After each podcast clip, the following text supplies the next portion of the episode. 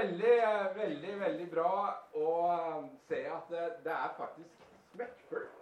Uh, og det er jo spennende, for det er, det er vanvittig spennende tematikk som, som er bestillingen i dag. Og uh, det er klart, når vi, skal, når vi, skal, inn og snakke om populærkultur og inn og snakke om ting som på en måte er uh, jeg, skal si, jeg skal introdusere meg litt, men la oss bare bruke ta en inngang. Um, om jeg skal få litt mer lyd på den der. jeg. Ja, det er bra. Det er bra. Kan jeg ordne det litt her da, etter hvert. Men uh, vi skal jo si noe, da.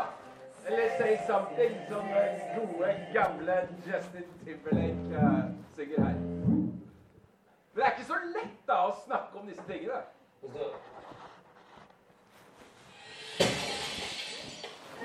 Og det er jo det er utrolig mye støy i dette rommet. Og stakkars hun skal oppsette.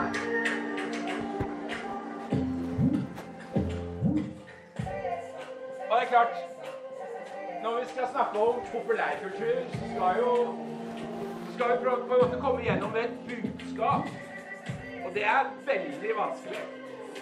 Eh, og jeg, det er klart, Nå blir det kjempevanskelig. Vi skal snakke om ting som handler om seksualitet Om uh, Er dere klar over hvor kul denne videoen er? Altså, det er ett take hele videoen. Altså, det er, det er ikke klipp, det er ett take.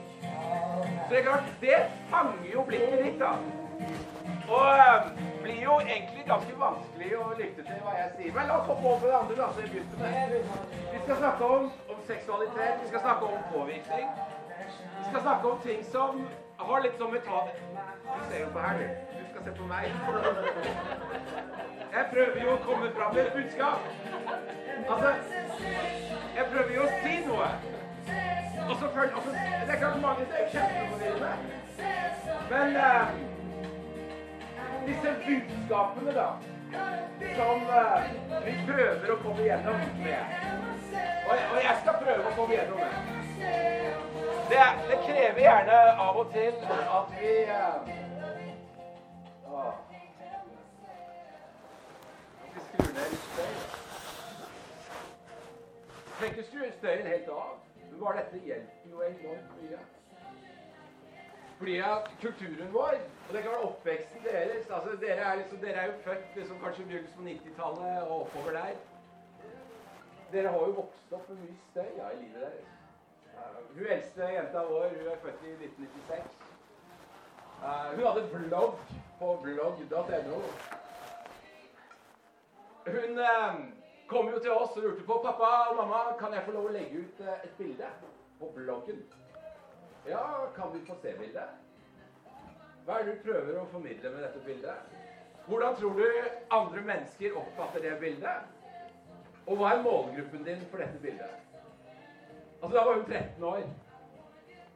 Og det er klart, I dag treffer jeg 13-åringer som sier de fyrer av gårde 400-500 bilder hver dag. Det, det, skjer, altså det kan være bare av håndflaten deres. Eller av puta deres om morgenen for å holde liksom ting oppe. streaken deres oppe. Eller liksom de bildene jeg snakker egentlig mest om, da. Det er jo liksom de bildene som er sentrert rundt skrittet. Altså nudes, stickpics. Det snakker jeg mye om.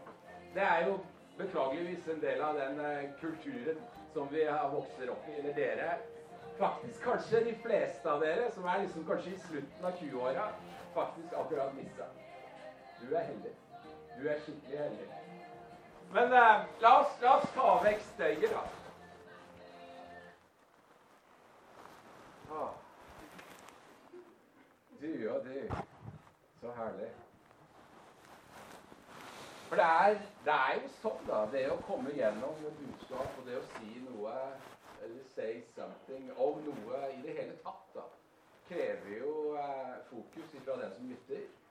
Og i den verden som vi lever i i dag, da vi skal snakke om liksom, populærkultur og snakke om det som påvirker oss så Jeg fikk en overskrift hvor det, det står 'Sex, drugs and rock and roll'. Hvordan skal vi som kristne forholde oss til populærkultur? Så er det liksom, er det én ting med en gang jeg reagerer på i en sånn uh, overskrift. Det er jo sex. Det hører ikke til der. Jeg syns ikke sex, drugs and rock and roll er på en måte en, en Jeg veit jo det er en god gammel det er liksom slager. Men jeg syns ikke sex hører til i det segmentet. For da blir på en måte rock and roll som, uh, og drugs da, premisset for denne sexen da, som vi egentlig er veldig sårbare på. Det skal vi prate litt om. Men uh, det er klart det å forholde seg til dette som, som kristne i dag, det er kjempekomplisert. Det er utrolig vanskelig. og jeg jeg veit jo ikke hvordan det er for dere, selv om jeg selvfølgelig snakker med veldig mye unge mennesker i 20-åra og slutten av 20-åra. Eh, jeg har oppdratt fire barn. Eh, hun eldste vår er født i 96, og så er en jente som er født i 98, en gutt som er født i 2000, og en gutt som er født i 2004 og går da i 10. klasse. Så ennå så har jeg et lite glimt inn liksom på hjemmebane i ungdomskultur. Jeg har jobba mange år i barnevern, i, i Bufetat, i, i uh, institusjon. Og det var jo ganske lenge siden. Det var eh, MSN og Ask FM-tidene. og det, det, begynner jo å bli noen år siden, det, da. For historisk tid, egentlig. Sånn, det, det, er jo litt den oppveksten dere har på den arenaen. Men det er klart, det skjer mye. Det er en enorm utvikling. Og det blir ikke vanskeligere. Det ikke lettere. Det blir vanskeligere å forholde seg som kristen til kulturen vår. Altså bare de siste to ukene et ekstremt krevende. Ekstremt krevende med på en måte Andreas Håtveit og Bent Høie sin kniving. Eh, nå var det vel Andreas Håtveit bare ute med tre setninger, og Bent Høie har vært ute med flere artikler. Men det, det, er jo på en måte Det er vanskelig, da. Eh, det er utrolig vanskelig hvordan på en måte vi som kristne, vi som tror uh, Vi har ikke snakket om hva vi tror, altså bare vi som tror fort blir stigmatiserte og, og, sett på som veldig rare. Og det er mulig vi er rare, men la oss prate litt sånn skikkelig om disse tingene. Fordi Jeg jobber i en organisasjon som heter Tro og Medier, og vi jobber for godhet, sannhet og tro i mediene. og um, Det er en organisasjon som ble stifta i 1932, når radioen kom til Norge. Så, så, var det noen kristne hoder som slo seg sammen. og um, de eh, tenkte at vi lager noe som heter Kristelig lytterlag på nynorsk. Eh, og Det ble senere familie og medier, og nå har vi på en måte landa i det som heter tro og medier. Og det er klart, det å jobbe i dette landskapet som jeg jobber i, hvor jeg forholder meg veldig mye til kulturen vår Jeg er veldig mye ute og snakker med veldig mye unge mennesker eh, og barn. Er veldig mye ute i skoler. Snakker mye til foreldre og inn i ledergrupper. Eh, all slags ulike settinger. Og det er klart, det å det å komme inn i dette landskapet og, eh, og, snakke med mennesker på min alder, altså foreldregenerasjonen deres Jeg er født i 1972. Eh, det er ganske sjokkerende, for det er jo kanskje den mest naive generasjonen som vi har eh, som puster i dag, i forhold til hva er det som faktisk foregår da, på, på nettet. Og det er klart, dere som er liksom sånn i 20-åra og unge voksne mennesker, hadde nok blitt forholdsvis overraska når dere var med meg ut i fjerde klasse. Uh, og vi snakket om ulike emojier og analsex og, og orgasmer og alle disse tingene som Snapchat på en måte flyter over av med tanke på en type emoji. Uh, og språk. Uh, eller på en måte å gå inn, inn, inn på, på, Twitch eller på Discord-plattformen og se hvilken type kommunikasjon da, som faktisk skjer mellom barn i dag, som på en måte vokser opp. Så det er ganske det er ganske sjokkerende, og det, ting skjer veldig, veldig fort. Og det er klart, det store spørsmålet jeg egentlig tenker vi må prøve å lande i kveld, hva er mest skadelig? Altså, Hvor er det skadene inntreffer i livet? Var det med High School Musical, for dere vokste jo opp med den? Eller er det Game of Thrones? Hva er, hva er det verste, på en måte, i disse to elementene?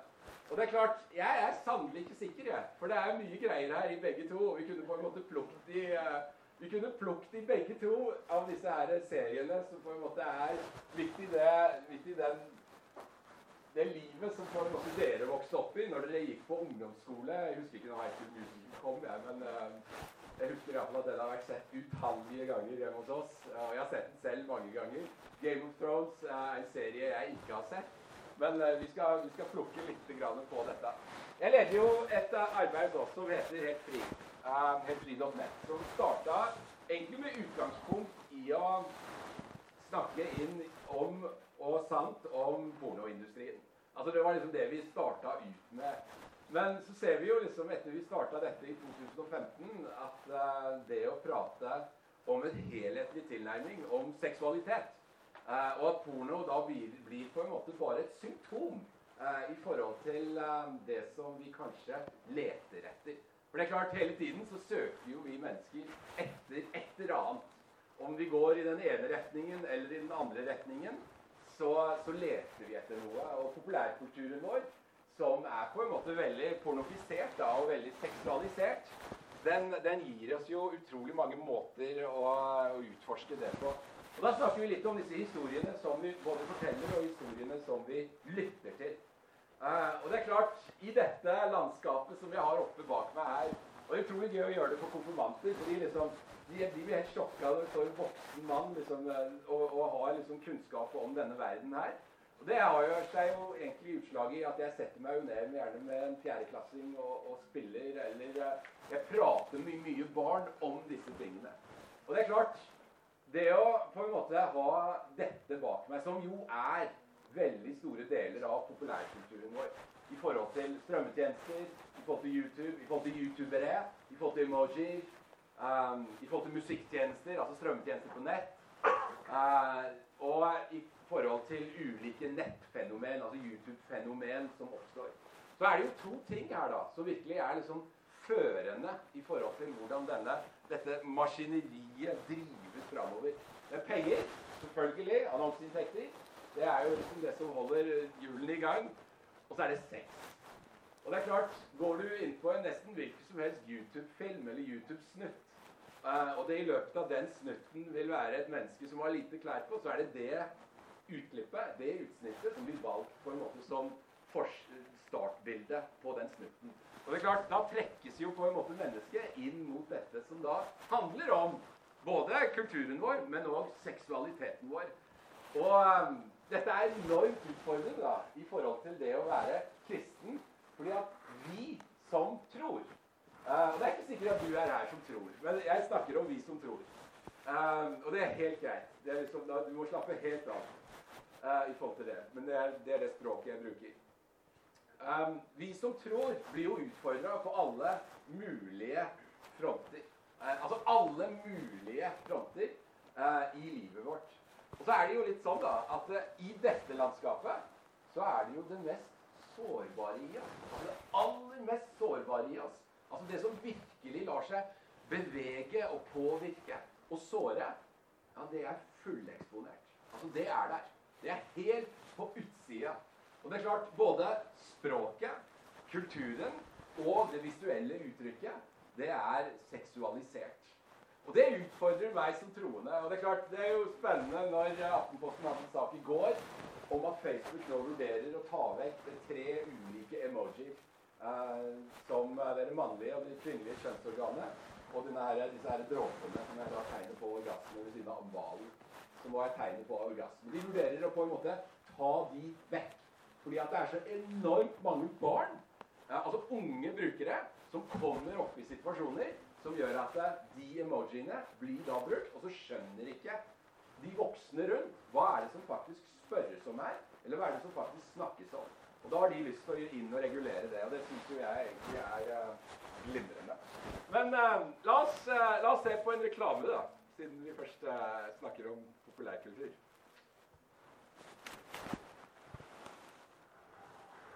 Hva er det fineste vi har i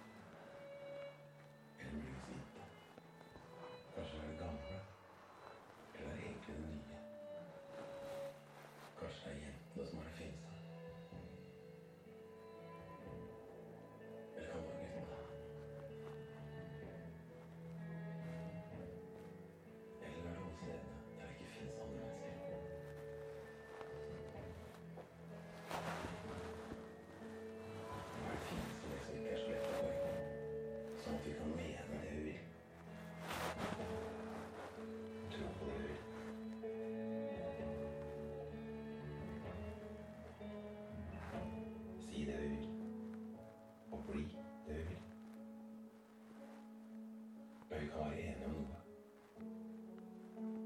Vi er heldige, vi som bor her. Og vi har mye som har vært å ta vare på.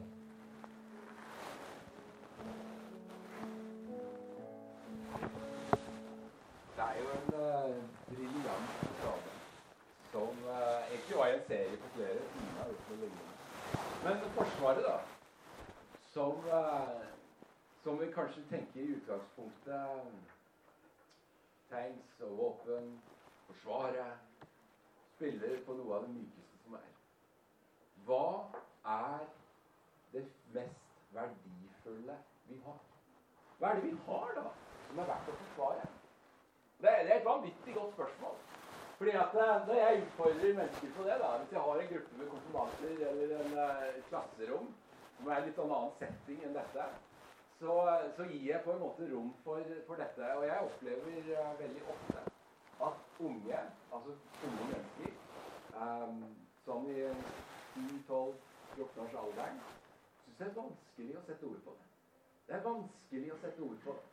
Og Det begynner kanskje med mobilen min. Den er jo veldig verdifull for meg. Xboxen min den er kjempeverdifull for meg. Rommet mitt er verdifullt for meg. Uh, og så må jeg på en måte grave, hjelpe dem til å grave ned i på en måte verdilista Eller opp i verdilista her. For, eller verdikartet i forhold til hva er det som virkelig er verdifullt. Nære relasjoner, det er verdifullt. Det veit vi. Det er verdifullt. Det er verdifullt på tross av ting som kan være vanskelig i relasjonene, så definerer vi det som verdifullt. Altså Samtaler jeg har hatt med ungdommer som uh, har blitt påført store skader uh, i de nære relasjonene sine. Som kan på en måte komme inn under kategorien relasjonsskader. Som kan for noen være nesten ugjenopprettelig å fikse. Det er som en nervebaner som er klippet av. Kjempevanskelige ting. Vil i samtaler definere de nære relasjonene som verdifulle. Jeg hadde en bestefar som faktisk brukte litt tid med meg. Jeg hadde tante Olga som var litt sammen med meg. Det er liksom, Dette er så sårbare ting. Og så har vi liksom friheten vår, vi har muligheten vår til å ytre, til å be, til å tro. Vi har liksom alle disse tingene da, som vi verner om i landet vårt, som er verdifullt. Og vi står jo liksom, Akkurat nå da, så står vi jo liksom i en kamp om hva skal vi få lov til å gjøre? Dette er utfordrende. Vi kan mene liksom hva vi vil om det ene eller det andre, men skal vi faktisk få lov til å snakke om og be for?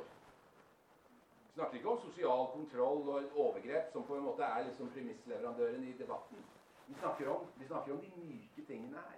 Hvordan skal vi relatere til hverandre som medmennesker? Og det er klart, det å, det å komme inn i dette landskapet som da på en måte Forsvaret hjelper oss med, kan gjerne hjelpe oss å sette ord på hva er verdifullt. Og det har noe for seg å sette ord på det. Og jeg mener jo å hevde at seksualiteten vår er veldig verdifull. Den er veldig verdifull. Og det kan veldig godt la seg liksom forklare på mange ulike felt. Og jeg er jo sånn som liksom liker å lese både ungdatatall, jeg liker å lese levekårsundersøkelser og ulike undersøkelser i forhold hvordan har vi det? Hvordan har vi det? Og Det er klart, det er noen elementer da, som liksom går igjen i forhold til hva er det vi mennesker virkelig responderer på en god måte til. Jo, det er jo eh, kjærlighet.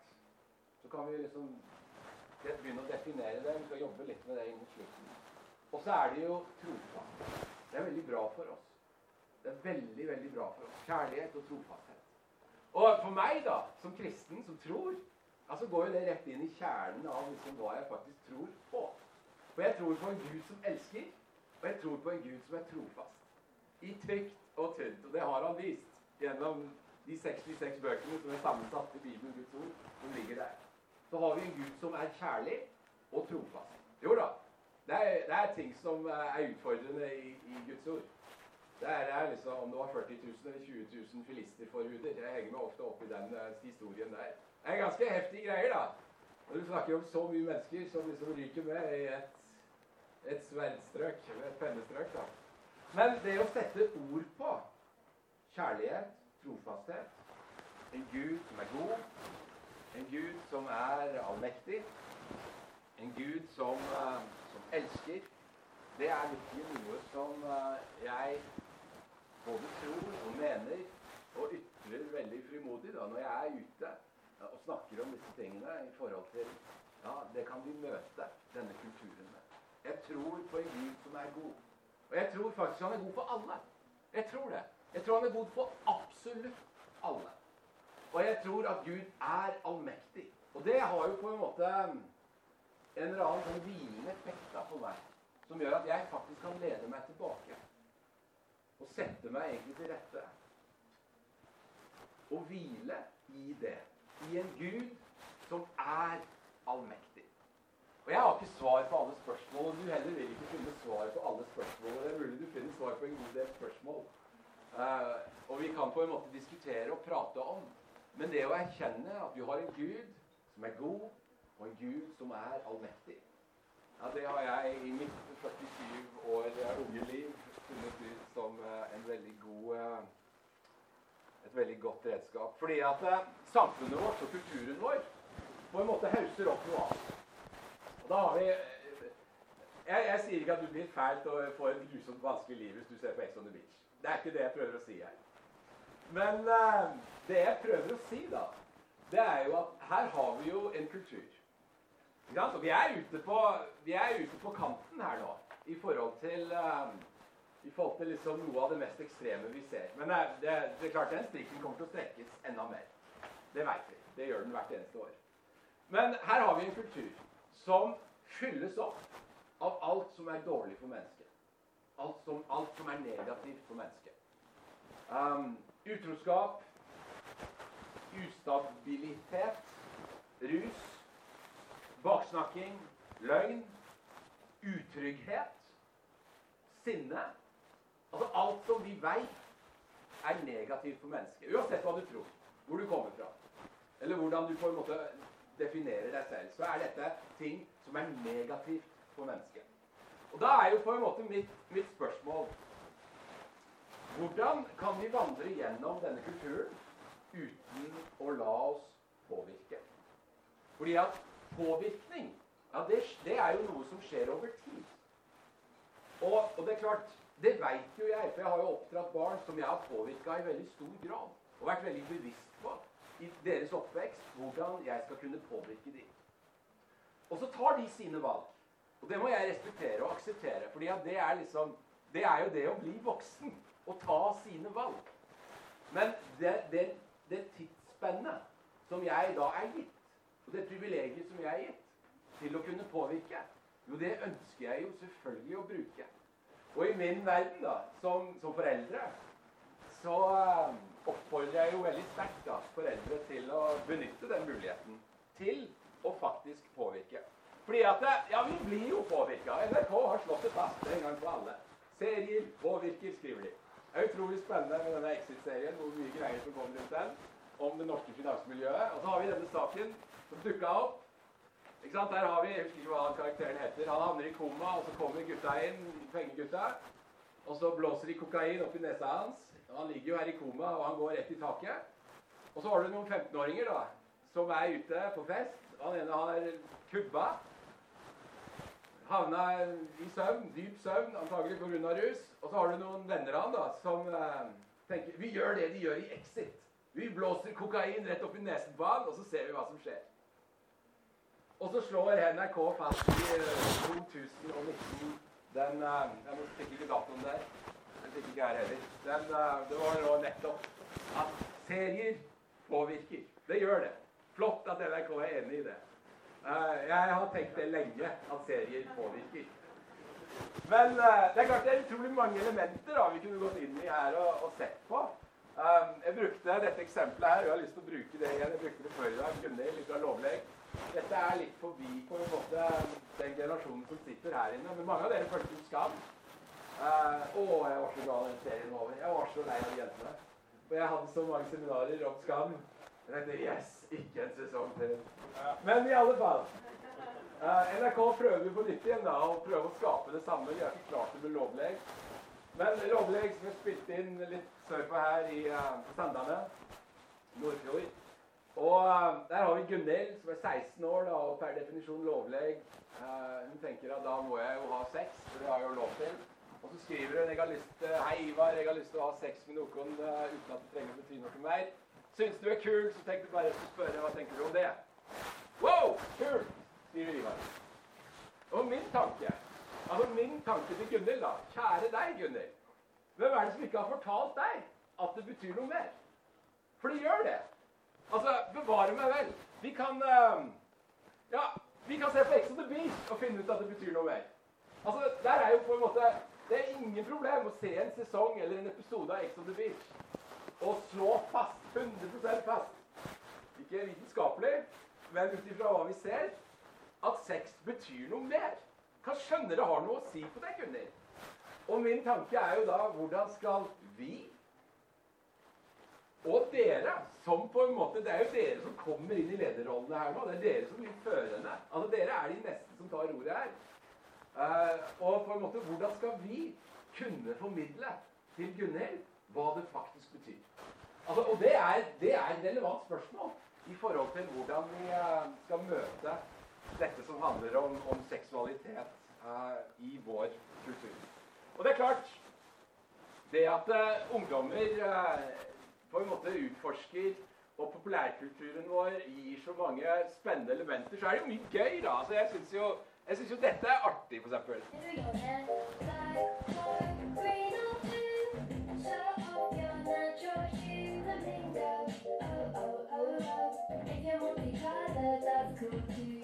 Altså, Jeg veit ikke hvor mange musikerkontoer som, uh, som har gjort denne sangen. Uh, unge, uh, ungdommer voksne ungdommer og voksne mennesker. Som på en måte bruker kreativitet, sang, farge og gjør noe gøy. Altså noe spennende. Eh, noe kreativt. Og bruker på en måte skaper en glede i f.eks. denne applikasjonen da, som heter um, Musically. Dere har vokst fra den, det Dere er i ferd med å bli voksne. Altså. Bare, sånn er det. Men uh, det er klart, det er jo sånn som skaper glede Uh, og skaper et eller annet slags gøy engasjement. Og da må vi være bevisst på det. Altså Da må vi tenke ah, dette var jo positivt. Men da må vi nå være bevisst på hva er den negative siden i forhold til påvirkning. Og det er klart, det å nøske tak i på en måte både oppveksten vår, eh, barndommen vår, og hvordan vi tenker framover, ja, det har jo noe for seg. Eh, det har noe for seg. Og jeg har gjort det i mitt liv. Eh, I forhold til hvordan jeg tilnærmer meg Nå skal vi straks inn og snakke litt om seksualitet og pornografi. Selv om jeg ikke syns det hører sammen. Men sånn som dette. Dette er jo en setting som jeg virkelig, virkelig trives i. Altså Her har vi Ruben, som er sønnen min. Han er født i 2000. Han, uh, han er um, på en måte en, en sønn av sin tid. Han har gått i en vanlig offentlig skole. Han har hatt masse ikke-kristne venner. Han har hatt smarttelefon og tilgang på Internett. Men hva er mitt ansvar i forhold til hans oppvekst? Og jeg mener jo jeg har et ansvar. Altså Det er ufattelig naivt å kjøpe en, en, en smarttelefon til en åtteåring i dag uten å snakke om porno. Altså det, det, må du bare gjøre hvis på en måte en velger å gjøre det. Men uh, har jo, her har jo vi en prat da, om uh, kulturen som han har vokst opp i mitt ansvar som far, og hvordan jeg da, i mitt forholdsvis korte tidsvindu som, som pappa, har vært med å forme hans verdier og holdninger. Og det er klart, enda vil jeg jo gjøre det. Altså, Jeg søker jo enda råd, og jeg snakker jo enda med min far, som nå er liksom i midten i 70-åra. Og det er klart, disse her relasjonene våre, da, og disse mulighetene mellom generasjonene, ja, det er ufattelig verdifullt. Og det er en måte å møte vår kultur Fordi at jeg ser på denne verden veldig annerledes enn det han gjør. Og um, når vi snakker om Her var det jo veldig mye snakk om pornografi. da, I forhold til hvordan jeg har på en måte jobba veldig bevisst med mine gutter. Jeg har to gutter. I forhold til hvordan skal jeg klare å hjelpe de gjennom tenåringstida, så ikke de kommer i den samme elende som jeg var når jeg var i den tida. Da snakker vi om 80-tallet. Da snakker vi om 80-tallet, Da var det blader. Og ved en og annen VHS-kassett som kom fra Tyskland med en eller annen som hadde vært på ferie der. Altså, Vi snakker om en helt annen tid. Erigerte peniser var ikke kjønnsorganer i bevegelse. var ikke lov å vise. I dag kommer dette rett inn på Snapchat. Live fra en de kjenner. Det gir en helt annen effekt i forhold til disse her elementene, som jo er sårbare. Så jeg tok, jeg tok en liten sånn research i familien min, og jeg spurte pappa hvordan snakket din far med deg om dette. Bestefaren min var prest. En morsom prest. Men han snakket med faren min en gang om dette. En gang. Og det var én setning. Nå er vi tidlig på 60-tallet. Sønn, har du stå, ikke rør den. Da er løpet kjørt. That's it. Det var hele seksualundervisningen. Det var hele pakken. Det var hele liksom Nå er du set for life. Lykke til. OK. Uh, I mitt liv så, så, fant pappa et pornoblad i skapet mitt da jeg var 13 år. Jeg kom hjem fra skolen. Jeg husker det som skulle vært i går. Alexis, vi må snakke sammen.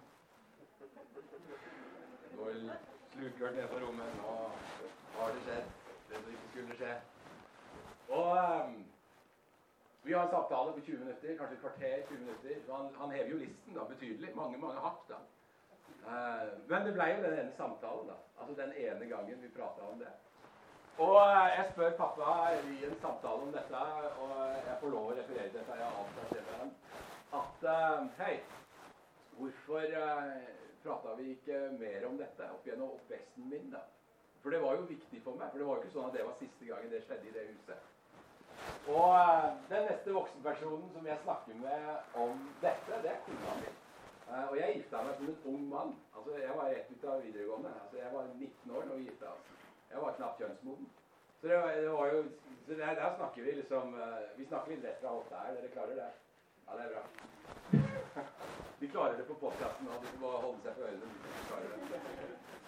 Men det er klart Det skulle jeg jo gjerne unngått, da. For det er jo ikke noe bra. Fordi at påvirkningen er veldig negativ når det kommer til pornografi. Altså Det er ekstremt negativt. Det former tanker. Det lager tankemønstre. Og det beveger ditt seksuelle skritt, da, hvis du virkelig går inn i dette. Og eh, sånn som samfunnet vårt ser ut i dag, da, hvor mulighetene er på en måte så enorme, og kulturen vår er så pornofisert, og hvordan vi da, som eh, borgere av eh, vårt gode land, møter dette på så mange ulike elementer, både samfunnsplan, uh, i forhold til hjernen vår, hvordan den på en måte jo er nevroplastisk. og Det betyr at den formes. Uh, altså Den formes med hva vi mater den med. Så blir de tankene veldig veldig lett å gå. Altså de mønstrene som vi bygger inn. Og det er klart Når vi bygger inn mønstre i hjernen vår med, som er opphissende, hvor det er seksuell tenning, som er på en måte Det vekker et, et begjær, lyst, og um, det ligger en belønning på en måte i enden, av dette, som da heter orgasme.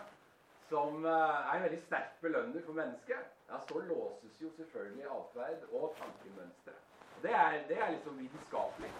Uh, og det er klart det å snakke sant om disse tingene i forhold til hvordan det beveger relasjonene våre, og hvordan det faktisk kjører seksualiteten vår rett ned i grøfta, og så legger du på et lokk med skyld og skam og tomhet. Og tilbake til, uh, tilbake til bildet da, som, uh, som jeg brukte. Så jeg veit jo, da Både ut ifra de erfaringene jeg fikk tidlig i livet Og jeg kan se tilbake i mitt liv og tenke å, Guds nåde og Guds hånd har jo vært over mitt liv. Som ikke er der i dag. For jeg treffer jo veldig veldig mange menn som er der i dag. De i 40-åra, 50-åra, 60-åra. Uh, og jeg treffer veldig mange mange i 20-åra. Og vi får jo mailer fra både kvinner og menn, og de vi får fra kvinner, de sender vi videre til to, to kvinner som vi jobber sammen med. Uh, men de samtalene jeg har med menn, da, det er ganske heftige greier i forhold til hvordan tankemønsteret har låst seg. Hvordan da denne kulturen har låst tankene. Og menn som ikke finner noe. De finner noe ikke i dette. Fordi at jeg veit jo at vår søken etter noe og i dette tilfellet, da, i denne situasjonen som jeg har oppe, så er det jo en søken etter maskulinitet. Det er noe der. Som er, som er liksom, og det er klart det å gå denne veien, den seksuelle veien, det vil kanskje være den første enkle veien å bli møtt på det. Men det er ingenting der. Det sitter igjen bare en tomhet. Og det er klart Når jeg snakker til fedre, f.eks., som er veldig spennende Jeg liker jo utrolig godt å ha sånne mannskvelder som vi hadde her. Det er bare menn. Her var det jo menn fra 11 år og opp til sånn 70 det ene bordet satt det tre generasjoner. Det var kjempeartig. Og det er klart, det å snakke til menn, da, og særlig til fedre, da, og fortelle og si at det, har noe, det er en veldig dyp betydning at når, når, sønnen din er ung og liten, at han vil kjenne på skjegget, at han vil prøve å bryte håndbak, at han vil på en måte prøve å bryne seg på da denne maskuliniteten. Det er noe der som er helt essensielt. Og hvis ikke på en måte da gutten, da, som vi snakker om i dette tilfellet, får utløp for det, blir møtt på det behovet, ja, så er jo selvfølgelig kulturen vår Den står med åpne armer. Og Pornhub står med åpne armer. Og Pornhub på en måte jobber jo aktivt for å få unge brukere. Og Det er klart, det er jo interessant da, på noen av de aller største nettstedene vi snakker om, som, uh, som, er i verden i dag, så er jo kanskje things, ord som Overwatch, som jo er et spill som veldig mange unge spiller. Uh, Minecraft, det er tre års aldersgrense på det spillet. Eller Fortnite, som er en, et 13 års aldersgrensespill, men som er et ekstremt populært spill dato. Det er, det er fortsatt veldig populært. Så har du en industri, da, en kultur, som animerer på en måte legoklosser som har sex, eller Fortnite-figurer som har sex. Og så legger de det da inn under Nå er vi inne i den første sliden her med landskapet. Så legger de inn under f.eks.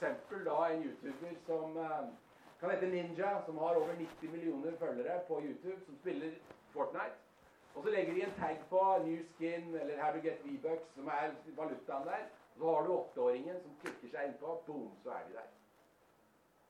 Og da har de en langtidsbruker. Det er jo noe av kulturen vår. Men det er så utrolig mange andre elementer da, hvor vi kan prøve å legge til rette for. Om det er liksom disse tingene her som vi på en måte noen av oss nærer og liker og elsker å gjøre. Eller om det er kunst, eller om det er dette var dagen etter vi hadde vært, eh, hatt en mannskveld. Så var dette på en gjeng med mannfolk som gikk på en, en bratt tur. Men om det er på en måte kunst, eller om det er um, tekst, eller om det er you name it, så er jo disse tingene viktig å få utløp for. Å finne hva er det som er på en måte unikt med meg? Hva er det med mine ting inni meg? Hva er dette skremmende underfulle da, som Gud snakker om? Og det er klart, Når vi først liksom er liksom innpå dette og snakker om pornografi, så er det jo litt sånn eh, Ta litt sånn samfunnsperspektiv i forhold til rapporter som, eh, som gjøres både Barneombudet her, hvor noen peker på porno som noe av eh, på en måte greia i forhold til seksuelle krenkelser. Og jeg er jo generelt veldig overbevist om at det er det. Og det er klart det er veldig mange ting som egentlig vi kan løfte fram da, inn i denne industrien. Og kanskje noen andre konkrete eksempler er jo disse jentene i fjor, 9. klasse jenter, som virkelig fortvilte over guttene som vurderte de som billige eller fuglbare. Og det er klart det kom mange tekster, bl.a. en skrevet av det Gitte, som sitter her i VG, som var aldeles glimrende. Som stiller spørsmålet hvor læres denne atferden? Altså hvor kommer denne atferden fra? For det må vi tørre å snakke om. Altså, Vi må tørre å utfordre kulturen. For det er jo det som skjer da. Når på en måte mennesker stiller seg litt i gapet og utfordrer da denne kulturen, som jo er veldig pornofisert. Og uh, Vi kan gå inn i statistikker om det er nakenbildedeling, eller om det er gaming, eller om det er you name it. Men hva skal vi gjøre som kristne? Hvordan skal vi som kristne kunne møte noe av dette? Nå har vi ca. et kvarter igjen. Og uh, vi skal ut av denne dødsskyggens dal og skal vi inn i noe som er langt mer oppmuntrende. Fordi at det vi har, vi har jo en historie om kjærlighet. Og det er klart, Jeg mener jo bestemt at vi har en historie som er verdt å kjempe for. Vi har det. Som troende har vi noe som virkelig er verdt å kjempe for. Og det er fantastisk, og det er hellig, og det er rent, og det er full av sannhet. Og det er fullt av nåde. Og det betyr at vi tar med oss alle. Altså i denne reisen, da, som på en måte vi kan utforske i troen vår, ja, så er det på en måte ingen som er mindre verdt. Det er ingen som på en måte ikke fortjener å være med. Og den som modellerte dette, ja, det var jo Jesus Kristus. Han modellerte det igjen og igjen og igjen. Altså, han oppsøkte, han gikk omveier og oppsøkte mennesker som levde i den kulturen som var der og da. Men i konflikt med hva som er sant og rett og godt for mennesket. Han konfronterte, samtidig som han ga en mulighet. Og han presenterte seg selv da som levende mann.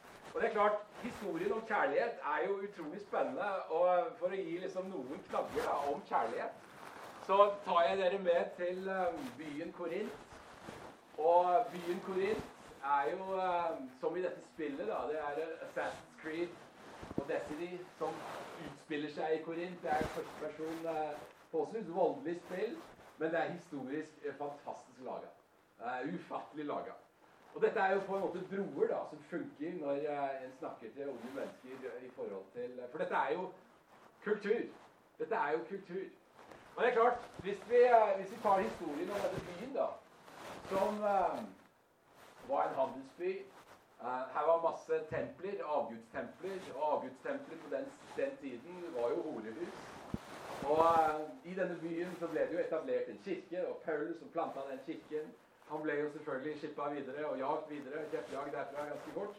Han ble jo utrolig upopulær ganske fort. Fire, fem, seks måneder. Så boom, klarte de ikke mer av, eh, av han og sendte han videre. Han reiser ned til Efesus, starter en ny menighet. Han uh, hører et rykte Dette står i, uh, i første Korinterbrev. Han hører et rykte fra Kloes hus, som var et handelshus, for dette var jo handelsby, om at hei, kirken i Korint er i krise. De har sex med prostituerte. De drikker seg fulle under nattverden. Og det er incest innad i familiene.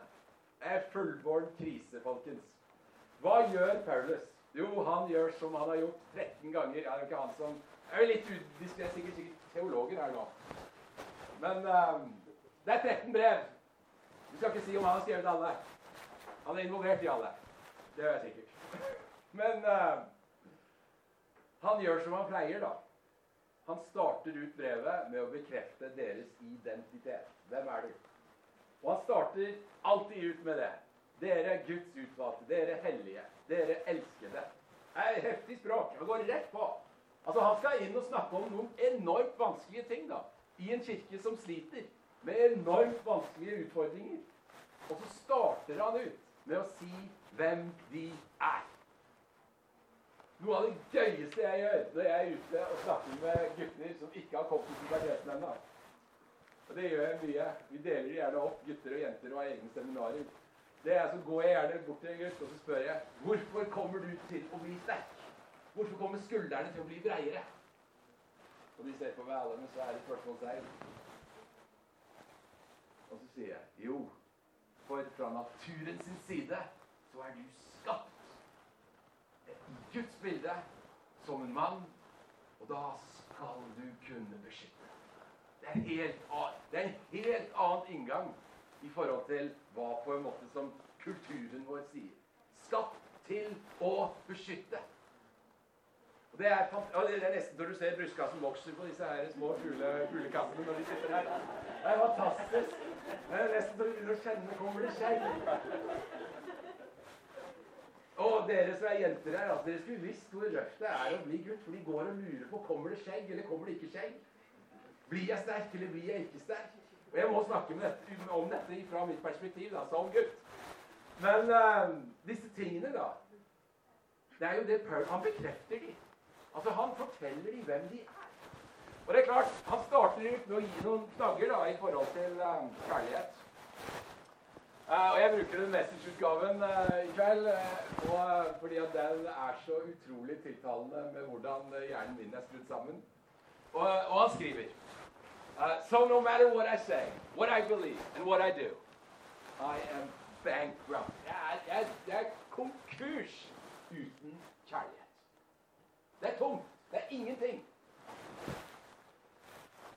Det er litt av et budskap da, når vi begynner å snakke om kjærlighet. Uten kjærlighet så er det tomt. Hvis vi skal snakke om kulturen vår, hvis vi skal snakke om seksualitet, hvis vi skal snakke om liksom alt dette som handler om som er vanskelig Uten kjærlighet tomt. Ingenting. Konkurs. Regelrett konkurs. Uh, og Jeg liker det ordet 'bankrupt', for uh, jeg treffer mye mennesker som er konkurs. Og eh, jeg kan si deg det. I mitt liv, når jeg er konkurs, så er jeg på det aller, aller beste.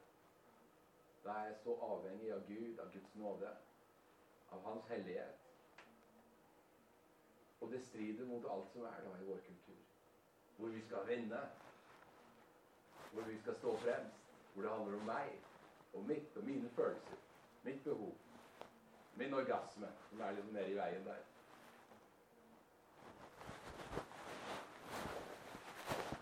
Love doesn't force itself on others. It's, it isn't always mutual. Det er ikke sånn at kjærlighet presser på.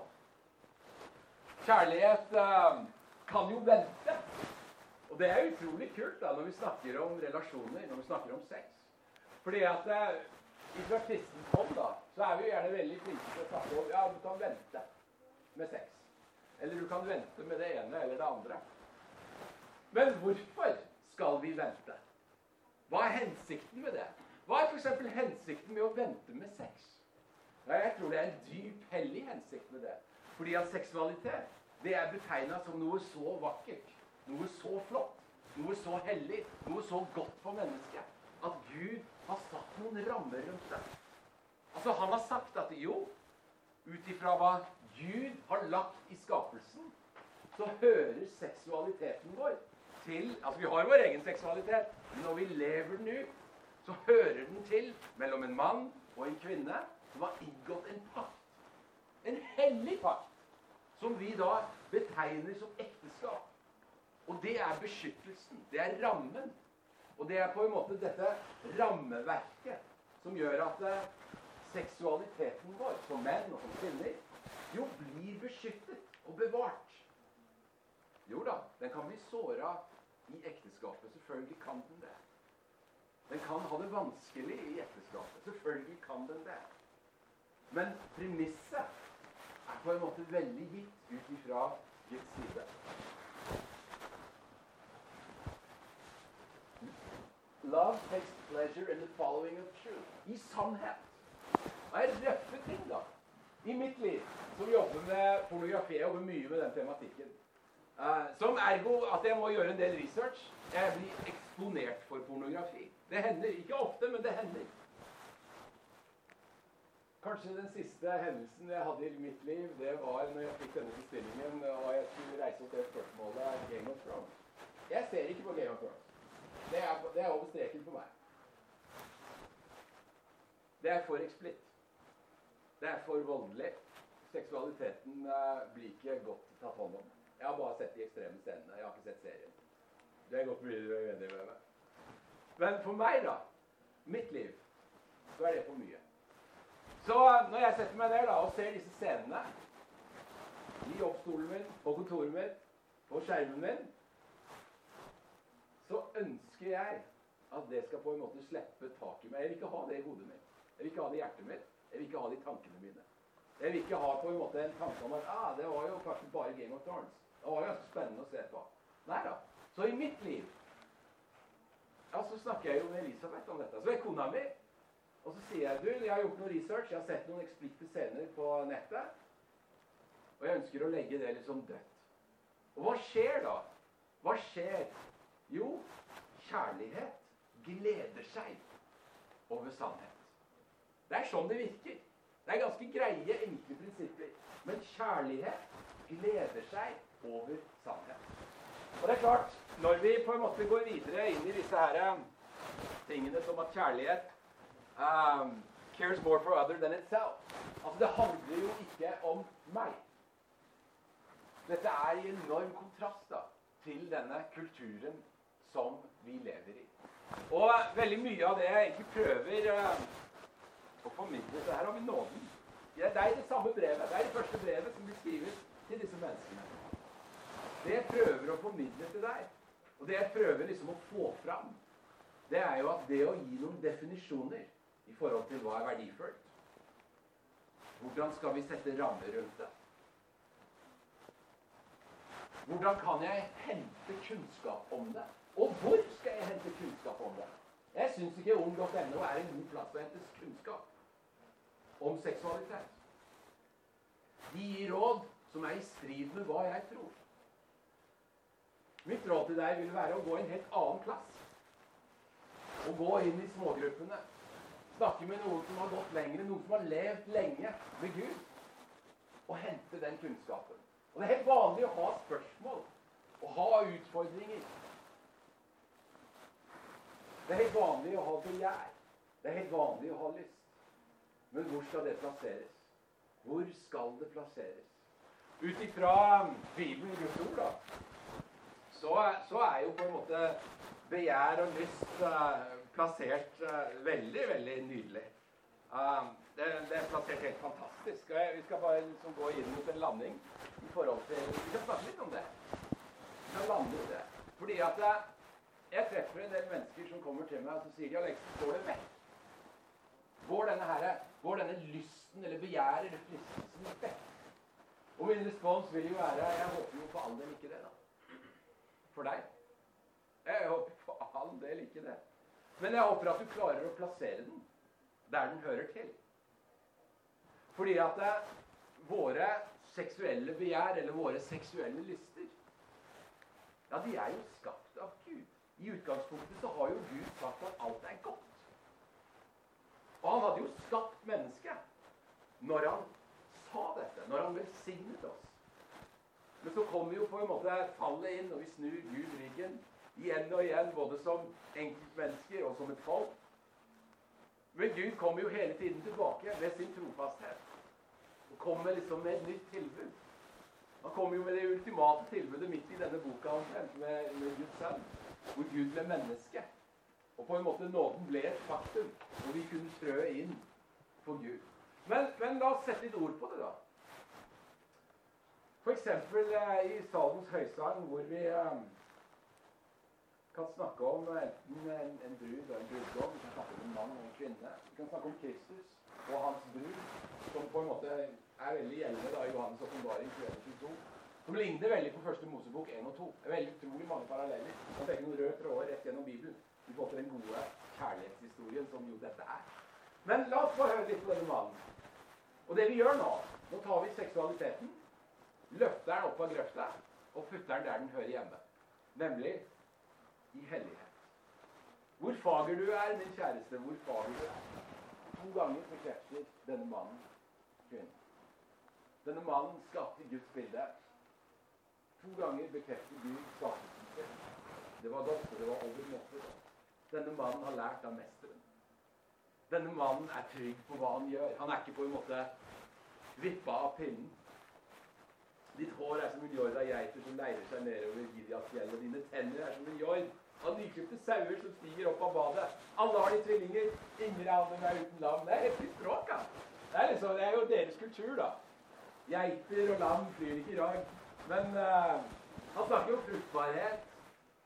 Han snakker jo om, uh, om, rikdom. Altså geiter som bare sklider nedover fjellet. Det er jo enorm rikdom han snakker om.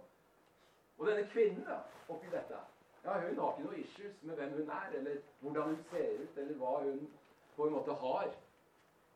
Hun har ikke noe issues med det. Hun er ikke på en måte forstyrra i sitt syn på sin kropp. Det er, det er rett ut språk. Dine lepper er som en skarlagensfjord, din munn er yndig. Altså humoren, hva er det vi ler av? Hva er det vi lar oss på en måte rive med av?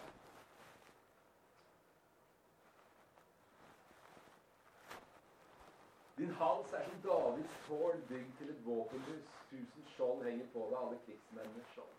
Dette er en dame som står rett opp og ned, som er sikker på hvem hun er. Og hun nyter jo denne enorme bekreftelsen ifra da mannen. Det er utrolig vakkert, dette. Selv om språket er veldig fremmed, og kulturen er liksom litt annerledes. Dine bryster er som tvillinger av en gasell som beiter mellom linjer. Og da på en måte skrur han ned. Ja, det er heftige greier.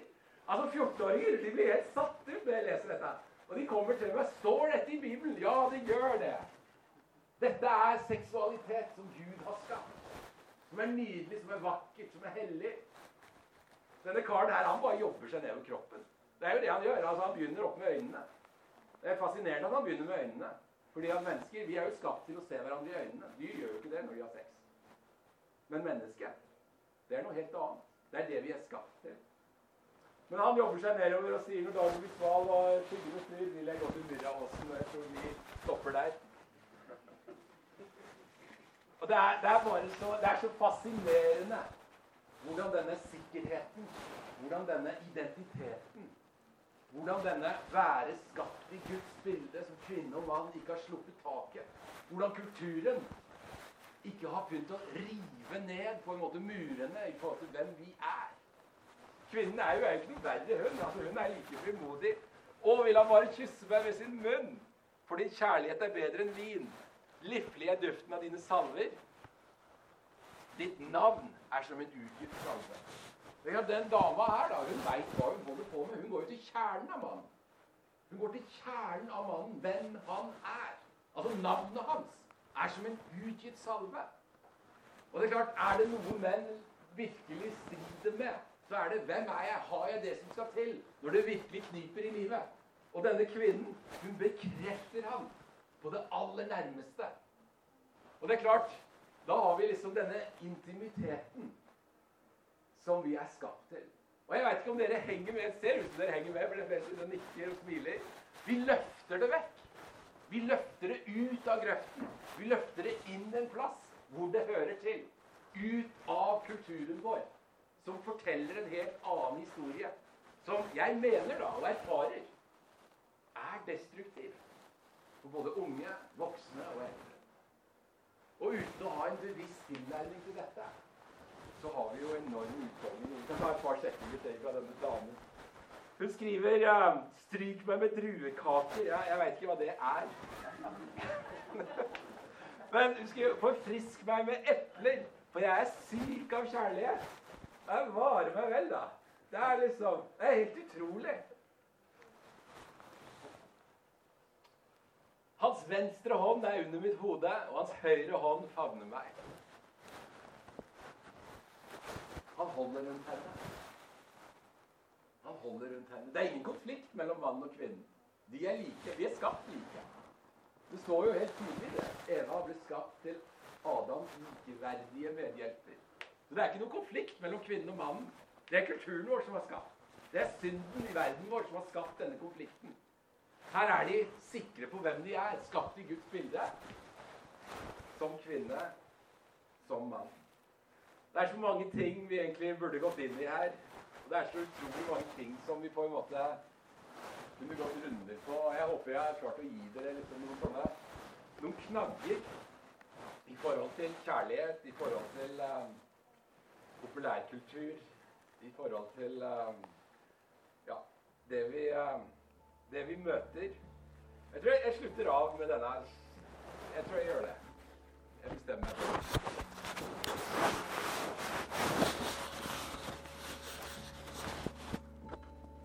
Og jeg har lyst til å utfordre dere. Jeg har lyst til å utfordre dere. Jeg utfordrer dere bordet her først. På å fortelle meg hva dere ser. Hva som helst. You name it.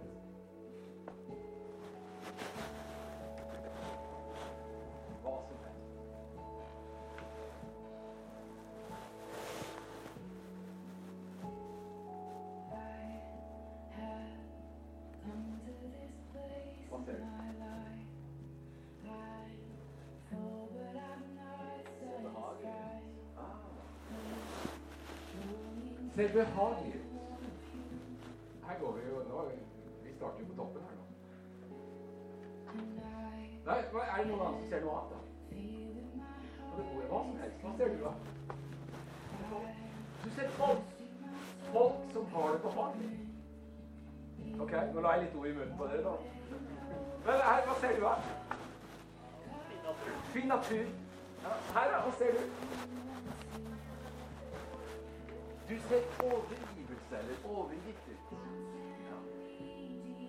Her, da. Hva ser du, da? Du ser fred. Birgitte, hva, hva ser du, da?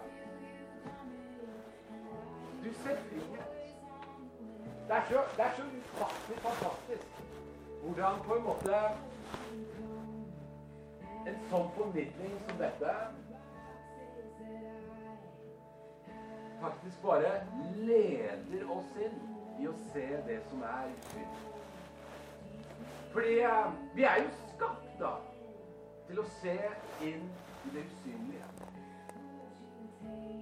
Følelsene våre, emosjonene som på en måte sitter innpå eller utpå, Om det er fred, om det er glede, om det er tilbedelse, å være overgitt, om det er vennskap, om det er trygghet Alle de tingene som er bra for oss. Og jeg har lyst til å på en måte bare oppfordre deg til å bruke den egenskapen så mye du kan. Let med lys og lykt etter fred, til respekt, til tilbedelse. Og hvis det ikke er der, hvis de elementene mangler Dra opp et skjold. Dra opp en vern. Dra opp en grense. Dra opp en beskyttelse rundt hjertet ditt. Rundt tankene dine. Rundt sinnet ditt.